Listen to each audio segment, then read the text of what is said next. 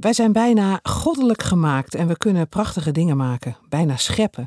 God gaf ons de mogelijkheid om te leren om brons, ijzer en goud te smelten. En vanaf het wiel tot het kompas, de stoomtrein tot het stoplicht, vanaf de raket naar de maan tot Google Brain.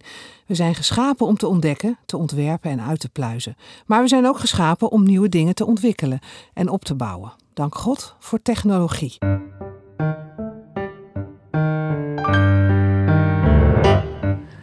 Theologie-podcast gaat over wat vandaag speelt in kerk en theologie. En wil delen, inspireren en verdiepen.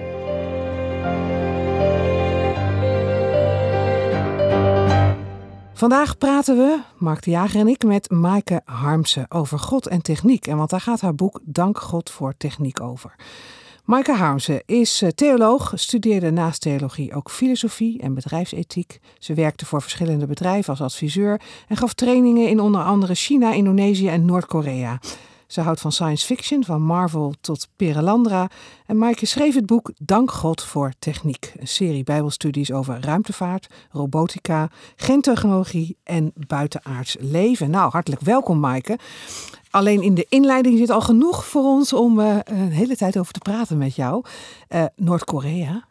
Ja, uh, ik was daar op uitnodiging en dat, dat was toen ik uh, al in China woonde, is dat gestart. Dat is een kleine organisatie die trainingen verzorgt aan het MKB in Noord-Korea. Dus klein, middelgrote, kleine ondernemers, maar ook hoogleraar economie.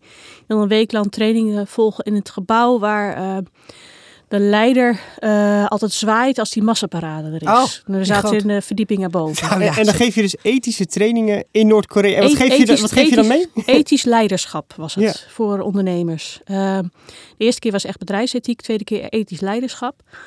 Ik heb uh, Stephen Covey gebruikt. Onder het, andere. Het bekende boek van Stephen Covey. Ja, Seven Habits. En um, erg gefocust op wat, wat in eigenlijk oude communistische filosofie goed past, is arbeidsrechten. En dus ook uh, hoe ben je een goede manager voor je arbeiders? En ja. dat is zeg maar, mijn aanknopingspunt op dat moment. Uh, waardoor ik en zij uh, in een veilige leeromgeving zitten. Laat ik het zo uh, diplomatiek zetten. Veilig genoeg, ja. En een van de regels was, stop ze niet in strafkampen. Maar goed, dat is ja, een ander jezelf of jezelf niet, nee, niet, en je niet. organisatie niet. Nee. nee. nee. Goed, ook heel interessant. Zouden ook een hele podcast over vol kunnen praten, Mark. Maar laten we het over techniek hebben. Want daar gaat jouw boek over. Wat, wat is techniek? Kun je dat, dat eerst eens even voor ons definiëren? Nou ja, er zijn verschillende definities. Maar één daarvan is uh, alles wat we uitvinden aan gereedschap en spullen die ons leven veiliger, makkelijker, comfortabeler of mooier maken. Ik vond dat wel een aardige uh, definitie. Dus uh -huh. het, het zijn ja, gereedschappen vooral. Ja. Nou zijn er gereedschappen, dan denk ik aan een hamer en een nijptang. Ja. Maar die gereedschappen kunnen dus ook bestaan uit computers, uit ja, muziekinstrumenten. In, hele ingewikkelde technologie. Ja. ja. Nou is het, zijn theologen vaak ook wel een beetje huiverig voor techniek. Dus het is des te interessanter als er dan een theoloog op staat die een boek over techniek schrijft. Waar, waar komt jouw interesse vandaan? Nou, ik heb uh, um, al mijn allereerste baan was bij een energiemaatschappij. Uh, in, de, in de afdeling chemische technologie Europa. En daar was ik adviseur communicatie en bedrijfsethiek. En ik heb altijd al interesse in gehad van hoe kun je uh, als theoloog uh, ja, andere mensen helpen met hun uh, ethische besluitvorming. En um, dus ik, ik, zat ja, op een terrein met uh, laboratoria, met grote machines uh, te werken. En um, het was heel interessant om te zien dat, dat daar christenen ook bezig waren met uh, techniek en ethiek. Ja. Heel veel christenen waren actief in duurzaamheid bijvoorbeeld. Ja. Dus ik heb die interesse altijd al gehad van hoe kun je theologie verbinden met het dagelijks leven van mensen die gewoon aan het werk zijn van maandag tot vrijdag. Ja, en heeft het voor ons, is het voor ons allemaal van belang om erover na te denken? Over, over de rol van techniek en theologie en ethiek? Of voor veel mensen zal het toch zoiets zijn van ja, ik gebruik techniek en technologie en voor de rest zal het me werkelijk worst wezen. Maar... Ja, maar ik denk dat je, dat je wel een, een, een visie moet ontwikkelen, omdat we het um, steeds meer gaan gebruiken. En um, als je het uh, positief uh, gebruikt, dan kun je ook meer je verbonden voelen met, met jezelf, met wie je bent, wie je mag zijn uh, en met wie God is en wat hij doet in je leven. Um, ik had als voorbeeld dat bijvoorbeeld als je net gevaccineerd bent, dan kun je God danken voor een vaccin. Omdat hij, hij andere mensen het verstand heeft gegeven en dat ze de mogelijkheid hebben om vaccin, vaccinatiecampagnes op te starten. Dan, dan, dan, maak je dus die verbondenheid van ehm, wie, wie, God is, wat hij doet, zijn karakter en wat, wat wij mogen ontwikkelen. Ja. Dus dan is het meteen ook echt voor iedereen van belang. Ja, zeker. Iedereen heeft te maken met techniek. Ja. Maar je, jij definieert techniek dus als dingen die je leven beter maken. Ehm, wapens, techniek. Ja. Uh, je werkt voor een energiemaatschappij. Uh, Oliewinning gebeurt ook met techniek. dus is, is, dat dan geen techniek of, of, moet ik dat zien? Nee, dat is ook, ook techniek. En uh, wapens, nou ja, de Oekraïense bevolking zal die vindt het een zegen. Die vindt het weer zegen als wij komen met, met uh, hulp uh, voor verdediging van, uh, van hun land. dat hebben we natuurlijk in Europa wel vaker gehad. Zowel hè, dat, dat de techniek, oorlogstechniek gebruikte naar elkaar toe. Als dat er technieken waren die ons bevrijden van, van verkeerde overheersing. Dus techniek uit zichzelf um, hoeft nog niet positief te zijn. Het is wel hoe, hoe gebruik je het. En soms is techniek ja, in inherent slecht. Hè? Dat, kan, dat kan natuurlijk. Hm. Er zijn uh, ja, e-, extreme dingen. Als je de elektrische stoel, zeg maar. Dat, uh, ja, of een bioterroristisch wapen uh, ja. of, of een seksrobot. ja, wat, wat ben je dan aan het maken? Dat, ja. dat breekt alleen maar af. Ja. Misschien is er wel een heel eenzaam mens die toch heel blij is met die seksrobot. Ja, wat, heeft hij, wat, wat bouwt het dan op? Hè? Als je zo kijkt naar een andere persoon, als je alles ontdoet van de, van de mens, wat, wat contact is, uh, een leven, uh, een zieloos ding, daarvan gaat houden. Dat is wel, wel ingewikkeld, hè? Ja, dat brengt ons wel ook bij de robots, want daar schrijf jij ook over. Fascinerend onderwerp is dat natuurlijk, kennen we ook allemaal uit, uit films. Ja, ja. en misschien ook wel helemaal niet heel reëel. Ehm, maar dan, dan gaat het over techniek, en dat zijn computers natuurlijk sowieso, als, ook als min of meer op een bepaald vlak denkende denkende machines. Ja, lerende machines. Lerende, machine ja, precies.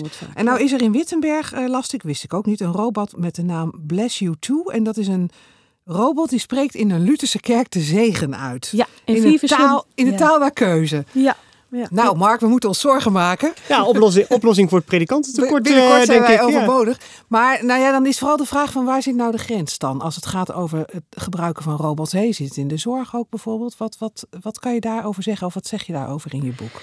Ik zeg er een aantal dingen over. Um, robots, wij zien vaak sociale robots, hè, dus met ogen en, en, armen als, oh dat is een robot. Uh, dat is een machine die bepaalde dingen uitvoert waar we contact mee kunnen leggen. Maar er zijn heel veel gerobotiseerde systemen. Hè, dus een autofabrieken of een raffinaderij maakt ook gebruik van geautomatiseerde systemen. Weliswaar zonder armen en benen, maar dat zijn ook eigenlijk robots. Uh, die zijn ook min of meer uh, zelfsturend. Ehm, je, je kunt delen van een fabriek hebben die zelf weten van ik moet de, de druk opvoeren of, of naar beneden doen. Um, als er, er, zoveel materiaal in zit of er zoveel schuimwerking is, dan moet ik, moet ik aan de slag. Maar een, een robot die sociaal is of ja, zinnen kan uitspreken, dat noemen wij echt een robot, een mhm. sociale -huh. robot. Um, en zo'n robot die dus die blessing kan doen, hè, die zegen in vier talen, uh, dat, is, dat is een hele simpele robot. Die kan niet uh, zelf daarin variëren. Nee. Dat is echt een commando uh, en, en doet het. Die kijkt niet naar de mens die voor hem staat nee, of haar staat. Nee, er zijn ook nog niet, er zijn, de, je hebt de robot Sophia, die kan ook reageren op zinnen. Maar de, die heeft het wel um, geleerd om om te controleren zeg maar, welke zinnen kloppen, welke zinnen kloppen niet. Maar ze weet niet dat ze spreekt. Nee. Er, is, er is ook nog geen, um, wat dat betreft, geen zelfbewustzijn. Er zijn wel zelflerende systemen. Um, een, voorbeeld is uh, um, de zelflerende eh, software in de, de, nieuwe, alle nieuwe Tesla's.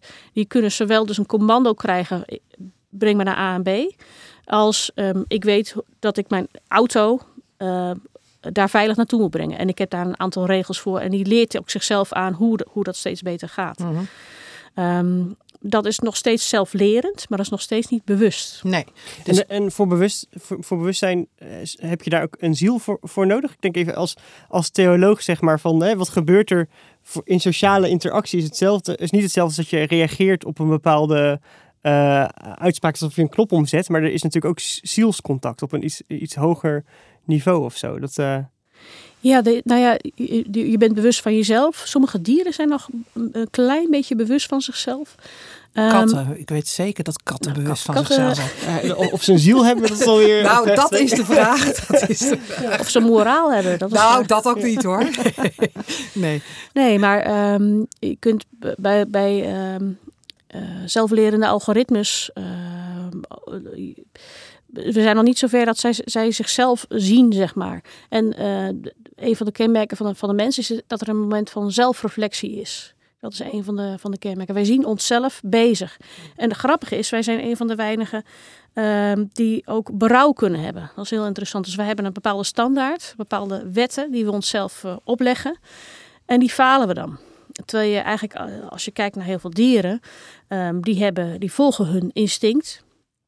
En f- zijn er prima mee. Hè? Met, met wat ze doen, is, het is altijd goed, omdat ze ook geen goed en, kwaad eh, kennen. Maar wij mensen hebben dus eh, een andere wet. We hebben onze biologische wetten, maar we hebben ook morele wetten en spirituele wetten. Mm. Eh, en die falen we constant. Dat is, Ja. dat is heel interessant. Dat En, maakt da- ons en, uniek. en dat zie je dus in techniek, tref je dat niet aan, zeg jij ook. Jij, wat mij opvalt in jouw boek is de, een hele positieve kijk op technologie. Ja. En dat snap ik ook heel goed, want we hebben er ook ontzettend veel baat bij. Maar er is toch ook altijd een soort wantrouwen, ook in, ook in de samenleving, naar techniek toe. Eh, sta jij vooral aan die positieve kant of, of heb, heb je ook wel kanttekeningen nog? Nou, ik, ik heb echt heel bewust gekozen voor een heel eh, positieve insteek. Hè. Dank God voor techniek. Ja. Dat heeft aan de ene kant te maken met wat ik zei al van eh, voel je afhankelijk van God als je techniek gebruikt. Eh, wij zijn afhankelijk van techniek. En dit, is denk ik een, een aardig eh, cruciaal verschil met, met andere uh, gedachten en, en, en boeken, artikelen. Wij zijn afhankelijk van techniek en ik zeg dat is niet erg. Dat maakt ons mens. Uh, ons oerverhaal is Adam en Eva die in een tuin zijn gezet. Niet een pluktuin, maar een, een, nou, een proeftuin. Uh, een tuin van landbouw. En landbouw kan niet zonder techniek. Het gaat met, met simpele uh, ploeg en gereedschap. Uh, maar dat, een schoffel. Maar dat is niet een tuin zonder ehm, gebruik maken van gereedschappen.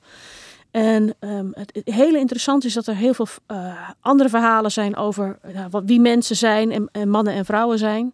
Uh, dat zie je ook vaak bijvoorbeeld mensen die zeggen van ja, mannen en vrouwen zijn zo anders. Want mannen zijn de jagers en de vrouwen zaten thuis voor, een hol. Ik denk van, huh, ons, ons startverhaal is juist Adam en Eva. Die zaten in een tuin en die hadden samen een landbouwopdracht. Um, en daarin zien we een enorm verschil in dat, dat wij niet teruggaan naar een natuurlijke staat van een paradijs hè, uh, uh, uh, zonder techniek en zonder ontwikkeling. maar wij zijn geroepen tot het ontwikkelen. De Bijbel tot... begint in een tuin, maar het eindigt in een stad. Dat, dat, dat idee. Ja, ja, ja. dat ja. komt ook. een van mijn hoofdstukken gaat ook over de stad. En dat is ook weer dus heel positief. hoewel ik het ook zelf ook me graag terug, even terugtrek in de natuur. Mm -hmm. En dat is dus een hele spannende hoofdstuk wat dat betreft. Uh, uh, we vinden rust vaak in de natuur. Maar je wordt ook weer opgeladen in de stad. En de stad zelf, uh, en het is vooral Klaas Schilder die het gezegd heeft, en anderen ook wel, die zegt, de, de, ontwikkeling van paradijs naar de stad is, is geen toeval. want die ontwikkeling die God gegeven heeft, dat, dat is ook echt een opdracht geweest. En we gaan dus ook toe naar een koninkrijk in ontwikkeling, wat ja. dat betreft. En die techniek speelt daar een belangrijke rol in. Ja. We praten zo met je verder. We gaan eerst eens even naar de boeken. Dat is ook een hele oude techniek.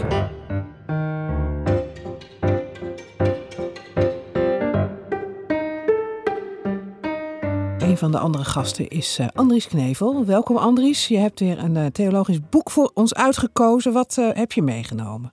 Ik ben nog maar eens een keer te raden gegaan bij Tim Keller. Hij heeft een boek geschreven dat heet Hoop in bange tijden. Het is net even te laat natuurlijk om die te bespreken, maar het gaat over de betekenis van Jezus' opstanding. En die hebben we natuurlijk niet alleen in de paasweek, die betekenis van Jezus' opstanding, maar die voor het hele leven. Dus, en het is een, uh, het is een mooi boek, dus uh, die leg ik wel even bij ons neer. Ja, en wat heeft oh ja. ome Tim, zoals ik hem wel eens uh, een beetje gekscherend noem, uit New York, ons te vertellen in dit boek? Um, in de eerste plaats toch altijd even, hij is een apologeet, nou, een klein beetje. Dus uh, er is één hoofdstuk over het feit dat hij toch maar eens een keer wil aantonen dat uh, de opstanding een historisch feit is, historisch betrouwbaar. Dat leunt hij erg natuurlijk op uh, het boek van Tom White, een hele dik pil die, er ook, die Tom erover heeft geschreven.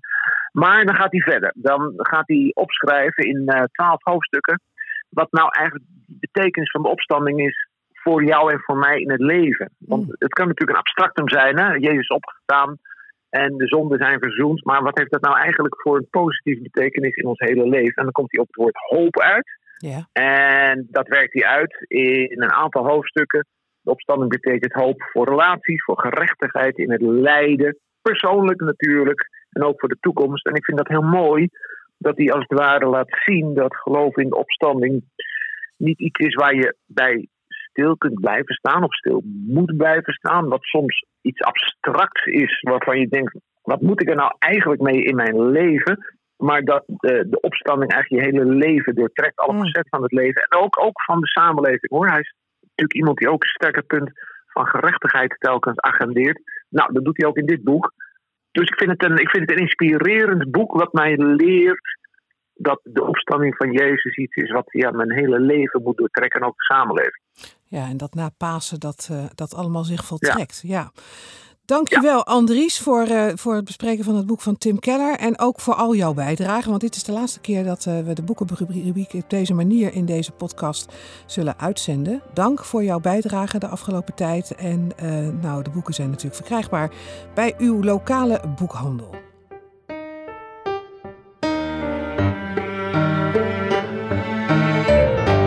Maaike Harmsen, we praten met jou over jouw boek Dank God voor Techniek. Heb je die uitroep ooit in de kerk gehoord? Zo van, dank God voor techniek, halleluja. Ja? Eh, nou, in coronatijd, toen de tv-diensten begonnen, Ah, ja. toen eh, heb ik heel vaak ouderlingen van dienst, die, begonnen vaak de, de, de dienst met uh, dank God voor techniek, Ja. dat we toch weer een vorm hebben om met elkaar samen te komen. ja, dat was inderdaad waar. Ja, Ja, en dat merk je vaak pas als het dan misgaat, weet je Ja, Als ging opeens nog de camera mis. uitvalt of de beamer die doet het niet meer of wat dan ook. Dan eh, denk je hoe, hoe afhankelijk je ervan bent geworden. Ja. Jij wijdt ook een hoofdstuk in je boek. eh, oh, je hebt, er zijn heel veel hoofdstukken, we kunnen ze niet allemaal bespreken. Maar wel deze vind ik boeiend over planeet B.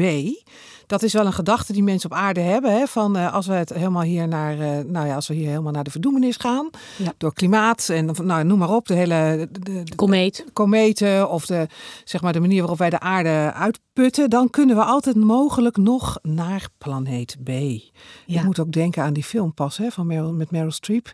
Waarin dat inderdaad Don't ook look ge- up. Ja. Don't ja, look Don't up. Look Up. Dan Oh, gaan ze inderdaad ja. en dan komen ze na een hele lange tijd komen ze aan op planeet B. En dan is daar een dino die de kop afbijt van de hoofdrolspeelster. Maar goed, Geweldig. die planeet B, is dat nou een soort, eh, is dat een illusie of is dat een, een mogelijkheid? Ik, eh, ik gebruik het eh, voorbeeld in het hoofdstuk over de Ark van Noach. Hè? In, eh, Ja. ik, eh, hebben dat nodig, een planeet B? Ik vind het echt fascinerend dat de, rijkste mensen van de wereld, Jeff Bezos, die zegt dan moeten we in ruimteschepen gaan wonen. En eh, meneer Musk die zegt eh, laten we Mars erbij doen. Hè? Dus niet eh, aarde verlaten, maar Mars als een, als Oh, een ja. extra potje op het vuur. Een soort nieuw filiaal openen? Ja, een, een franchise, zeg maar. En dan Dogecoin als betaalmiddel. En moeten rechtstreeks verkiezingen doen. Nou ja, hij heeft er allerlei ideeën over. Maar het is heel interessant om te zien dat ze zeggen van we moeten risico's gaan spreiden. Alleen op al- alles, alle paarden werden op aarde. Is een enorm risico gezien het aantal eh, ja, mogelijke incidenten. En het heeft ook weer te maken met ehm, dat er een geloof is in. je moet je wel doorontwikkelen. Dus we moeten van, van aarde af. En we moeten ons gaan verspreiden over het heelal, voor zover dat mogelijk is. Mhm. ja. Ja, en, en, en, en hoe sta jij daarin? Is dat, is dat reëel? Is, is, of is het misschien zelfs wel onze opdracht als, als gelovigen, als christenen, om het op tot deze aarde te beperken? Of brengt de techniek ons inderdaad naar Mars of naar andere planeten? Nou, het heeft ons al naar Mars gebracht. Daar zitten Ja. alleen eh, robots op dit moment. Ja. Ehm, dus wij, wij eh, ontwikkelen en we onderzoeken meer dan alleen aarde. Dat, dat is heel duidelijk. We, we hebben net als eh, Zwarte Gat, Ja. een nieuwe foto van het Zwarte Gat in het midden van ons melkwegstelsel is uit, uitgekomen. Dus het is niet gek om te denken aan exploratie. Hè, dus ruimtevaart als manier om de rest van de schepping eh, te ontdekken.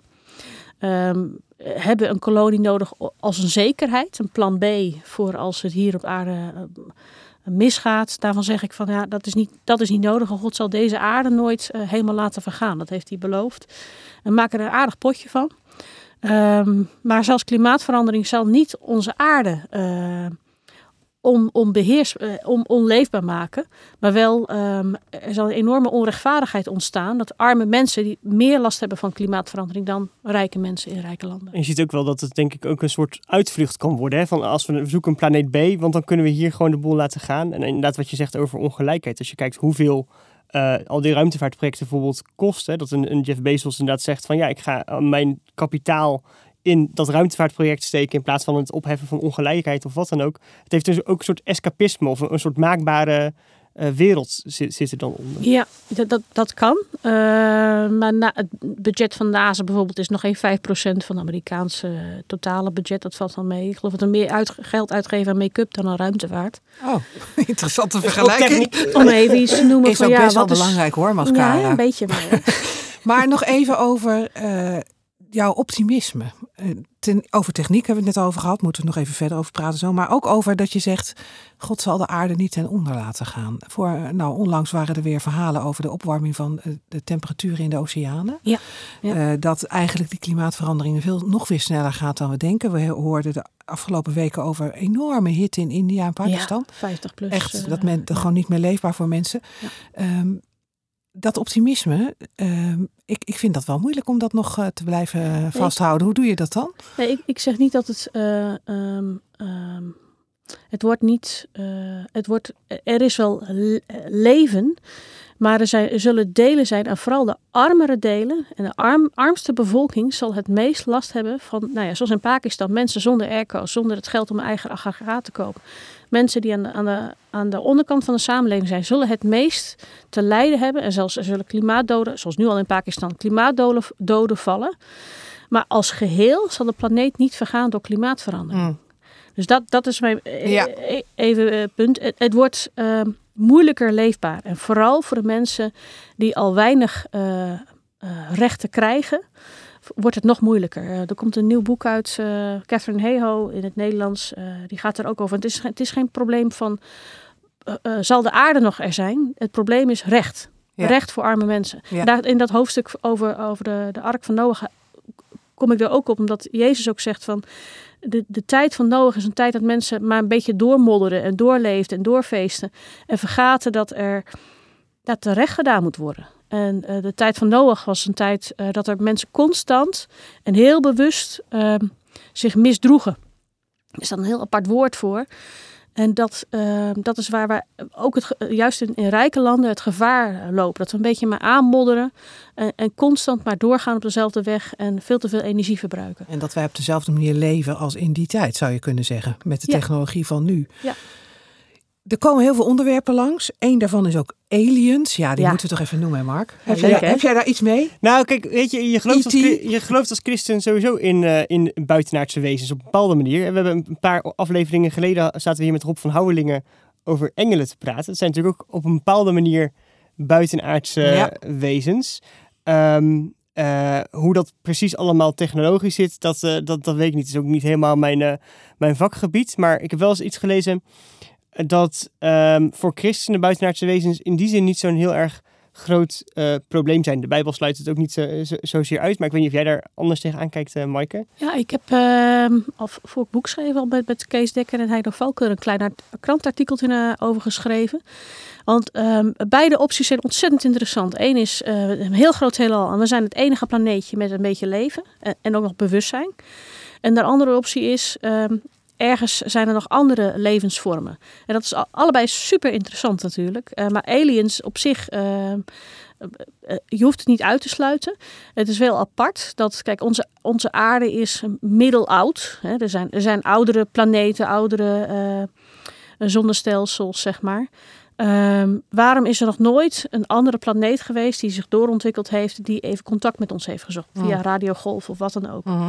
Um, en dat is een vraagstuk, zeg maar, van waarom, waarom is er dan, waarom is dat contact niet van de andere kant? Hè? Van, van, nou ja, stel je voor, je bent 100 miljoen jaar verder. Ja. Waarom nemen ze dan niet contact met ons op? Maar het kan wel. Um, de Bijbel sluit het niet uit dat er uh, buiten wat wij weten, uh, en de aarde en, nou ja, alles wat wij gekregen hebben, dat er iets anders is. Er is, er is geen uitspraak over. Het enige wat we wel weten, we zijn misschien dus niet uniek, we zijn wel geliefd. Dat weten we wel zeker. Hè? Dat God met deze aarde en met deze mensen een aparte relatie wil, een plan heeft. En zijn zoon gestuurd heeft naar deze aarde. Dat is uniek. Ja, maar ik denk dus inderdaad dat, dat, dat zeg maar het grootste probleem met buitenaards leven zit inderdaad in de christologie. Hè, is Jezus dan gestorven voor Ja. de zonde van alleen de mensheid? Of, eh, of ook voor de zonde van de, van de buitenaardse Heeft- wezens? Is op, dat, op die planeet dat dan ook gebeurd? Ja, is hij, Ja, is hij alleen mens niet. geworden? Of is hij dan opeens ook, eh, ook, ook volledig marsman geworden, zeg maar? Dat, even, Ja. even een beetje ketters gezegd. Maar ja, dat, dat zijn de, denk ik de spannende vragen. We, we, we- we kunnen niet, niet ehm, eh, uitsluiten. Er zijn eh, verschillende christenen eh, die hierover na hebben gedacht. Ehm, het zou kunnen zijn dat hij een andere vorm heeft gekregen. Het zou, het zou kunnen zijn dat daar eh, er geen zondeval was. Zou ook nog kunnen. Ehm, Wat nou, hoop je eigenlijk, Maaike? Ook zou ik heel leuk vinden als er op een dag eh, aliens op bezoek komen. Ja? ja. Melk en suiker. En, eh, Welke suiker? We houden helemaal niet van koffie, zeggen ze dan. Als ik, als ik ze kan verstaan. We drinken wat anders. Ja. Als het gaat over techniek en technologie, eh, het gaat over eh, dingen buiten ons, hè, eh, apparaten, maar het gaat ook over DNA. En dat zit in onszelf. Ja. Dus het gaat ook over het sleutelen aan mensen. Dat klinkt wel meteen negatief. Hoe sta je in, in, in die DNA-technologie die goede dingen zou kunnen brengen, ziektes oplossen of, of defecten repareren, maar waar natuurlijk ook wel altijd de vraag van is, ja, is dat ethisch verantwoord? Ja, nou, er is, er is, ehm, we, kunnen, een- we, we dachten dat we heel veel zouden kunnen. Rond 2000 is het DNA ontrafeld, zeg maar. Toen dachten nou, nu kunnen we echt alles eh, starten. Er zijn nog heel veel films eh, eh, rond die tijd. Van de, als we het DNA eenmaal ontrafeld hebben, dan kunnen we ehm, precies weten waar intelligentie zit op het DNA. Precies weten waar muzikaliteit zit of creativiteit. Nou, we, we zullen wel ubermensen maken. Dat, dat blijkt helemaal niet zo te zijn. Speelfilms bedoel je? Ja, speelfilms. Ja? Noem en eens wat uit die boeken. tijd. Eh, Gattaca bijvoorbeeld, eh is een aardige. Ja. Eh, er is er nog eentje over een Amerikaan die krijgt dan een DNA-boost en die kan opeens vier talen spreken of zo. Dus ik denk van, oh, Oh. ja. Oh, die wil ik Oké. ook. Eh, makkelijk, ja. Ja. Ehm, ik weet even de naam niet meer ervan. Nee. Dat is wel grappig, want we hebben de allereerste podcast in deze serie zaten we hier met Maarten Verkerk. En toen hebben we het inderdaad daar ook over gehad, over, over CRISPR. Hè? Dus dat, Ja, dat is die DNA-techniek ja. waarbij je dus je kind blauwe ogen kan geven als je, als je dat eh, zou willen. Maar dus bijvoorbeeld ook ziektes als de ziekte van Huntington zou kunnen uitbannen, Uits, eh, mogelijkerwijs. Ja, maar Ja. het heeft toch een beetje inderdaad het idee van eh, laten we mensen maken naar ons beeld. Ja, hè? precies. Dat, dat, dat is een beetje. Ja. Maar jij Ja. zegt in het begin dachten we alles te kunnen. Maar daar zijn we op teruggekomen. Ja, er, er is, dat is met, van beperkte waarde. Ook niet alle ziektes eh, zijn eh, op het DNA terug te vinden. Ehm, dus daar zit een beperking in. En er zit ook een beperking in van, ja, we weten nog niet, zeg maar, als eh, je gaat knippen op dat DNA, kan die persoon daarna weer kinderen krijgen. En wat, wat voor effect heeft dat op zijn kinderen en hun DNA? Dus dat zijn hele lastige vragen die je tot voorzichtigheid eh manen, zeg maar. Maar stel je voor iemand, ehm, eh, er zijn andere DNA-technieken, zodat je tijdens je leven eh, met het DNA, met, met die- dat foutje wat erin zit, dat er een mRNA-techniek komt, waardoor dat stukje DNA, bijvoorbeeld die de ziekte van Huntington geeft, kan, kan oplossen. Ja, dat, daar staan we natuurlijk wat positiever tegenover. Ja. Hè? Dat je dus niet aan je DNA zelf rommelt, maar wel ehm, DNA-materiaal gebruikt om, eh, om ehm, ja, medicijnen te creëren. Ja, een soort reparaties ook Dat zijn reparaties, dus cure en care. Hè? Dus eh, zorg en, eh, en genezing. Dat is het anders dan mensverbetering. Er zijn, we gebruiken heel veel techniek voor mensverbetering. Ehm, maar die heb- Mensverbetering? nou ja, mensen, zoals bijvoorbeeld wij willen een vogel zien. Vogelaars gebruiken vaak techniek, hè? verrekijker. Oh ja. goede verrekijker. Eh, ik heb laatst ook eentje gekocht bij de vogelbescherming. En dat is techniek. En, maar die, je wil niet dat je ogen eh, een mooie lens hebben om vogels te kijken. Je gebruikt dan tijdelijk een verrekijker om even eh, dat goed te zien. Of we gebruiken podcastmateriaal om heel veel mensen tegelijk te spreken. We, en daarna doen we de podcastmaterialen af. Het wordt opgenomen. Kunnen andere mensen op hun telefoon de podcast luisteren. Mhm. Ehm, dat zijn allemaal tijdelijke ehm, ja, enhancements, hoe noem je dat? Verbeteringen Ja. eh, die je die op. Maar er zijn geen eh, artsen of chirurgen die mensverbetering willen im- implanteren. Nog niet. Nog niet. Nee. Ehm, Zou dat niet toch kunnen gaan gebeuren?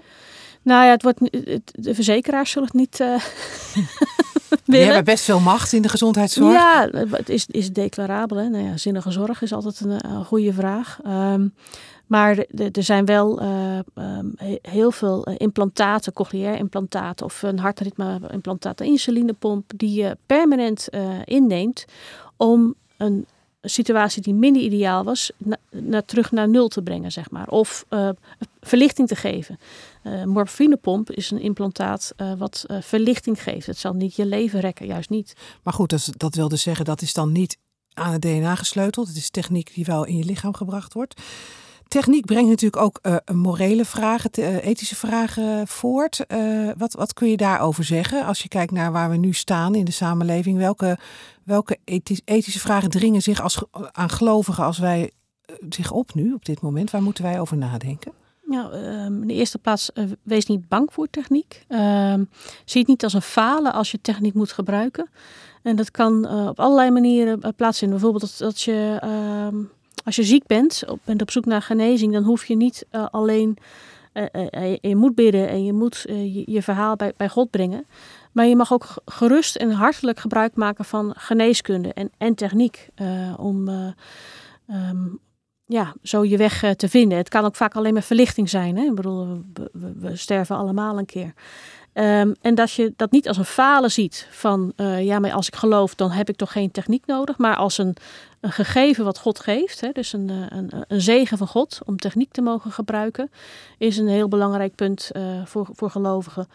Um, dat, dat is een voorbeeld. Een ander voorbeeld is um, in, de, in de landbouw moet je een balans zien te vinden als christen tussen aan de ene kant het ontwikkelen van het land en dus mensen voeden.